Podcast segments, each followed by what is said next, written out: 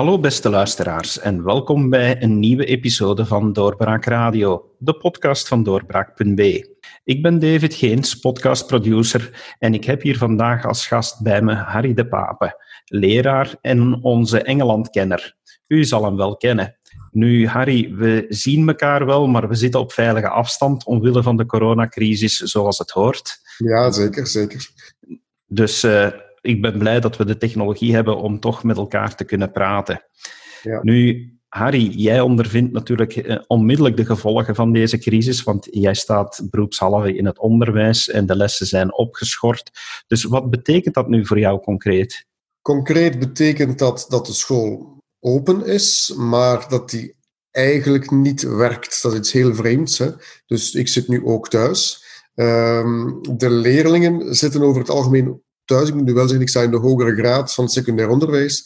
En de eerste dag van de maatregelen, dus voorbije maandag, was er geen enkele leerling op school. Dus je moet weten, wij hebben een, een school, uh, enkel de hogere graad, van meer dan 500 leerlingen. Er was niemand van aanwezig. Dus hebben wij op school uh, heel praktisch een, een beurtrolsysteem uitgewerkt, waarbij dagelijks twee leerkrachten elkaar aflossen voor permanente, uh, permanente aanwezigheid te hebben op de school, voor mocht er iets zijn. En ook uh, de directie is uiteraard aanwezig, het secretariaatspersoneel is ook aanwezig. Nu, de lessen zijn officieel opgeschort, maar er vinden wel lessen op een andere manier plaats. Ik geef nu digitaal zoals ik nu met jou aan het praten ben, heb ik ook de mogelijkheid om met leerlingen in contact te komen. Ik neem ook filmpjes op waarbij ik ja, les geef.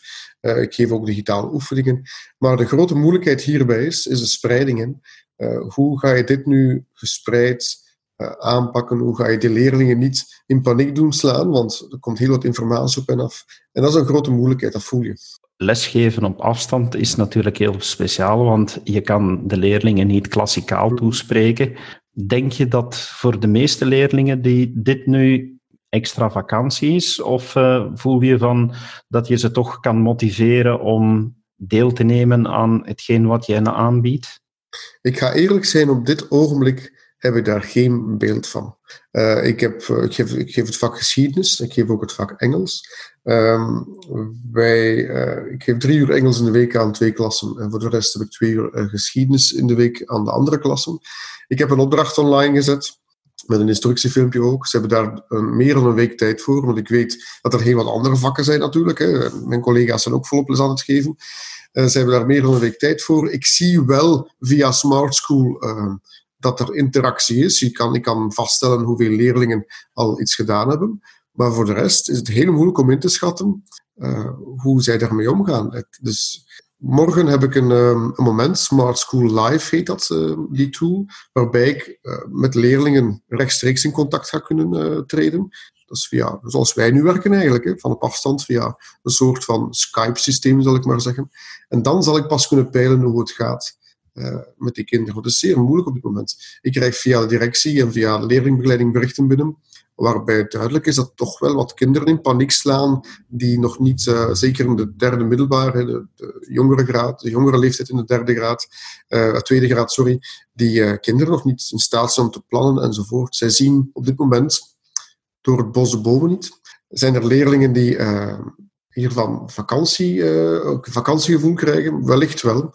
Wellicht wel, maar ik kan het nog niet 100% eh, bevestigen. Ik weet het niet. Het is, zeer moeilijk. Zoals je zegt, je hebt dat persoonlijk contact niet. Hè. In de klas zie je wat er gebeurt. Zie je een leerling die afgeleid zie je kinderen prutsen. Um, merk je ook wie er, wie mee is, wie er niet mee is. Nu heb ik daar totaal geen beeld van. Word je dan als leerkracht nu aan je lot overgelaten of helpt je directie? En dan denk ik bijvoorbeeld, de technologie, zegt men van ja, zoek het zelf maar uit. Of uh, zijn er nu echt plannen opgesteld? Nee, het mag zeker niet zeggen dat we aan ons lot worden overgelaten. We krijgen heel veel instructies, heel veel uh, ja, middelen, om, dus digitaal, hè, uh, aangeboden om hiermee aan de slag te gaan. Nu, ik moet ook wel zeggen, voor directies is het ook wel een plotselinge voldongen feit. Hè. Hoe moeten zij hun school organiseren? Dat is een groot vraagteken voor die mensen. Dus ik heb er alle begrip voor dat het niet altijd even, even verloopt. Het is denk ik voor heel, heel het land. In alle sectoren is dit nu groeien met de riemen die we hebben. Uh, dus ik mag zeker uh, niet, niet, niet uh, ja, stenen gooien naar de directie, want die mensen doen echt wel hun best. Het is gewoon een zeer vreemde situatie. Dat is, dat is de samenvatting. Ehm, ik denk dat we pas in de loop van de komende tijd gaan zien hoe dit allemaal uitdraait in verband met onderwijs dan, hoe we dit kunnen opvangen. Er is, een, zoals je straks, daar straks zei, er is gelukkig, gelukkig heel wat digitaal mogelijk. Alleen moeten we er nu mee aan de slag. En dat is nog zoeken. Dat is vooral prutsen. Ik heb het gevoel dat ik heel wat aan prutsen ben. Om die dingen uh, in, in, de vingers te krijgen, hè, al die zaken. Maar al prutsend kom ik wel tot een uitweg, hoop ik. Wat dan betreft de taken en de manier waarop dat je het moet doen, hè. inhoudelijk bedoel ik dan, hmm. Eh, is dat uh, voor jou ook dan een nieuwe ontdekkingstocht of prutswerk, hoe dat je het op die manier moet aanpakken? Ja, enerzijds wel. Ik, ik ben zeer beducht om nieuwe dingen te geven. Uh, om, ja, het vak geschiedenis is, is, voor veel leerlingen sowieso al een moeilijke dobber, of een zware dobber. Dus ik probeer uh, niet te veel nieuwe leerstof. Eh, ik probeer het zo aan te pakken, te richten op historisch onderzoek, met dan andere thema's. Ik heb heel, het is misschien klinkt misschien vrij luguber, maar ik vind het dus ook heel actueel. Ik heb bewust nu het thema de pest uitgekozen. Niet om hen daar compleet nieuwe dingen uh, aan te brengen, maar om via historisch onderzoek, wat we al geleerd hebben in de les, hè, hoe ga je om met bronnen, wat leer je uit bronnen, wat haal je uit bronnen, om daar toch in contact te komen met de leerstof. Op, op die manier toch dingen aan te leren. Uh, maar de groot, het grote vraagteken is, uh, ja, hoe breng die leerstof zo aan dat ze er, er iets uit leren, dat ze echt, hè, geschiedenis is een kennisvak, dat ze die kennis echt verwerken. En dat vind ik nog een moeilijkheid. In de klas, nog, ik heb het daarnet ook gezegd, kan je dat peilen. Is het nu verwerkt, ja of nee? Nu is het nog zeer moeilijk. Dus zoals, ja, zoals je zelf net ook herhaalde, het is een beetje prutsen, naar mijn aanvoeling. Heb je veel overleg met de andere collega's om af te spreken van ik zal vandaag een taak versturen en morgen zal het een wiskundetaak zijn en mm zo verder? We hebben een online planning waar wij uh, kunnen zien van elkaar wat, wie wat doet. Ik heb daar straks nog uh, een moment in, ingevuld waarbij ik goed kon, goed kon zien, ja, goed, die klas heeft op dat moment een contactmoment met die leerkracht voor het vak wiskunde. Dus dan laat ik dat moment gerust. Hè. Dus ik, ik kan echt wel uh, inplannen uh, wanneer het mijn beurt is, wijze van spreken. Ook met de vakcollega's uh, Engels dan heb ik heel nauw contact via WhatsApp, waarbij we voortdurend elkaar inlichten wat we aan het doen zijn. Ook, we hebben ook een WhatsApp-groep met alle collega's, waarbij we ook voortdurend elkaar inlichten van kijk, ik heb dit uit, uitgedokterd, ik heb dat uitgedokterd uitgedokterd. Op Smart School hebben wij een, eh, een map waarbij we van elkaar kunnen zien van de nieuwe zaken die we bedacht hebben om, om dit probleem aan te pakken. Dus we, we hebben heel veel contact met elkaar en we geven elkaar ook tips. Ehm, we leren wel van elkaar op dit moment. Dat vind ik nu wel. Ook al zien we elkaar niet, we leren volop van elkaar. Dat vind ik wel boeiend of interessant. Komt de hulp voornamelijk van jullie directies of uh, zijn de koepels ook actief? Uh, we krijgen informatie van de koepels het algemeen. Maar het is echt wel de directie die uh, samen met de, met de medewerkers die, ja, die ons ondersteunen. Hoor. Ja. Dat is ook vrij logisch, hè? dat zijn de eerste lijnsmensen. Hè? De koepel is vrij ver af. Denk je dat de kinderen zelf eh, nu nood hebben aan iets meer ja, psychologische begeleiding van de mensen die ze vertrouwen, dus van jullie als leerkrachten, omdat het voor hen ook als, eh, als een moeilijke tijd wordt beschouwd? Ik denk dat dat wel begint te komen. Uh, wij voorzien op onze school sowieso minstens één uh, moment in de week waarbij leerlingen met hun klastitularis, hun klasleraar in contact kunnen treden om zo'n dingen te bespreken. Uh, onze leerlingbegeleiding staat nu ook al uh, ja, via contactmomenten open voor al die zaken. Ik denk wel dat het zal beginnen komen. Niet vergeten, je hebt een hele leerlingenpopulatie. Dat is op zich een blauwdruk van de bevolking. Hè.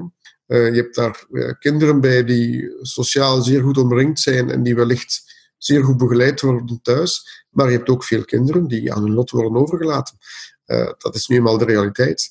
en die, we moeten ook oog hebben voor die, voor die kinderen. We moeten zien dat, dat zij niet ook op schoolsvlak compleet in de steek gelaten worden. Denk je dat ouders voldoende betrokken zijn om hun kinderen aan te sporen deze taken uit te voeren? Of is het daar net zoals je zegt van ja, we zitten met een blauwdruk van de maatschappij, dus sommigen zullen het belangrijk vinden en anderen zullen het achterwege laten? Ik vrees van wel, ja. ja, um, eventjes uh, wat ik ook in, in, via sociale media zag, de, de, bezorgdheid van enkele mensen. Uh, je hebt nu heel, die reeks van Hille van Miechem rond kindermishandeling. Ja, dat zijn inderdaad bezorgdheden waarbij in de mainstream, zal ik maar zeggen, de, de brede groep van de maatschappij er niet, niet bij stilstaan. Maar dit zijn nu ook zaken die bovenop komen, hè, die, erbij komen. En daar moeten wij als school toch ook wel proberen op een of andere manier uh, toch waakzaam voor te zijn en, en die kinderen op te vangen waar nodig. En zo'n kinderen staan in de kou. Uh, en zoals je zelf opnieuw aanhaalt, die blauwdruk van de maatschappij, je gaat kinderen hebben waarbij het probleemloos verloopt. Maar je zal ook een groep kinderen hebben waarbij we toch wel met een probleem zitten, vrees ik.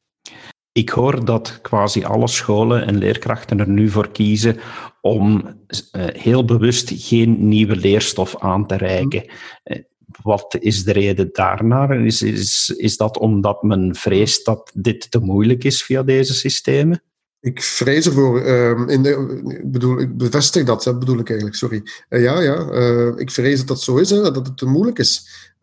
Omdat je sowieso met een persoonlijk contact, ehm, ja, je moet dingen aanbrengen. En wat ik er straks ook al aanhaalde, je als leerkracht stel je vast waar de problemen zitten, waar de, de weerhaken zitten, waar kinderen moeilijkheden mee hebben door je lespraktijk in de klas. Uh, je kent de leerlingen ook, hè, dus je kan die ook bijsturen en helpen. Alleen van op afstand is dat veel minder zichtbaar en veel minder gemakkelijk. Uh, dus wij focussen nu vooral op herhaling. En wij hopen dat deze, maar ik vrees dat dat niet zal gebeuren, maar goed, we hopen dat deze tijd, uh, tot aan de paasvakantie snel voorbij is en na de paasvakantie we opnieuw kunnen oppikken en opnieuw kunnen lesgeven. En dus met nieuwe leerstof. Maar dat is nog af te wachten, dat laatste. We kunnen dan zeker uit deze periode, of ja, dat is eigenlijk een vraag aan jou, leren dat eh, ondanks de digitalisering, dat scholen niet makkelijk zullen verdwijnen. Het blijft noodzakelijk om, om echt klassikaal les te geven. Eh, het persoonlijke contact, dat zal nodig blijven. Het lijkt me ook logisch. Hè? Denk maar aan, als je zelf kinderen hebt, hoe je zelf soms met je kinderen dingen aanleert. Dat, ja, dat ze enkel leren omdat ze dat zien van iemand, omdat ze dat leren van iemand. Dus het, het klassieke systeem van, uh, ik ga het nu heel ouderwets uitdrukken, hè, van leermeester en leerling, dat, dat is nog steeds de basis van lesgeven. Denk je dat het nodig zal zijn om de en ik zet het nu tussen aanhalingstekens, verloren periode, eh, nadien terug in te halen? Denk je dat het eh, tot de mogelijkheid gaat behoren dat deze weken worden ingehaald tijdens de grote vakantie? Ja, dat is een hele discussie. Ik heb daar eerlijk gezegd nog totaal geen mening over, totaal niet bij stilgestaan. Ik, ik heb die discussie pas vanmorgen ook opgemerkt. Uh, veel hangt af van wat de impact is uh, of van, de, van de, de lengte van, van, ja, het is geen echte lockdown, we mogen het zo niet noemen, maar het komt er een beetje op neer. Uh, hoe lang het nog zal duren en effectief, welk, welk gat er geslagen is. Dat is nog enorm afhankelijk. Dus daar kan ik geen duidelijk antwoord op geven. Dat zal de komende tijd uit moeten wijzen, denk ik. Is de situatie in Vlaanderen anders dan in andere landen, of dan bijvoorbeeld in Wallonië, als we het heel dichtbij willen gaan vergelijken? Uh, ik vermoed dat het daar een beetje hetzelfde is uh, in Wallonië. Ik kan moeilijk inbeelden dat daar anders hebben dezelfde wetgeving die we moeten naleven op vlak van uh, coronawetgeving bedoel ik, hè? Niet, niet onderwijswetgeving. Dus ik vermoed dat het daar uh, een beetje hetzelfde is. We zullen inderdaad uh, kijken wat er gebeurt. Uh, Harry, dank je wel voor je bijdrage in deze podcast. We zijn heel blij om eens te horen van hoe het eraan toe gaat in het onderwijs. Dank je wel dat je ons dat duidelijk hebt gemaakt.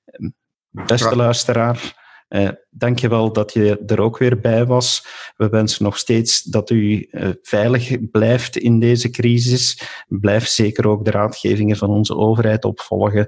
En uh, als u niet weet wat doen, ja, dan nodigen we u zeker uit om te luisteren naar onze andere podcasts en te lezen op onze website.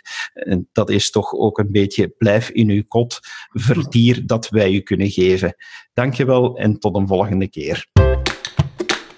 Dit was een episode van Doorbraak Radio, de podcast van doorbraak.be. Volg onze podcast op doorbraak.be/slash radio of via Apple Podcasts, Overcast of Spotify. Bezoek ook onze website op doorbraak.be en steun ons door een vriend te worden van Doorbraak.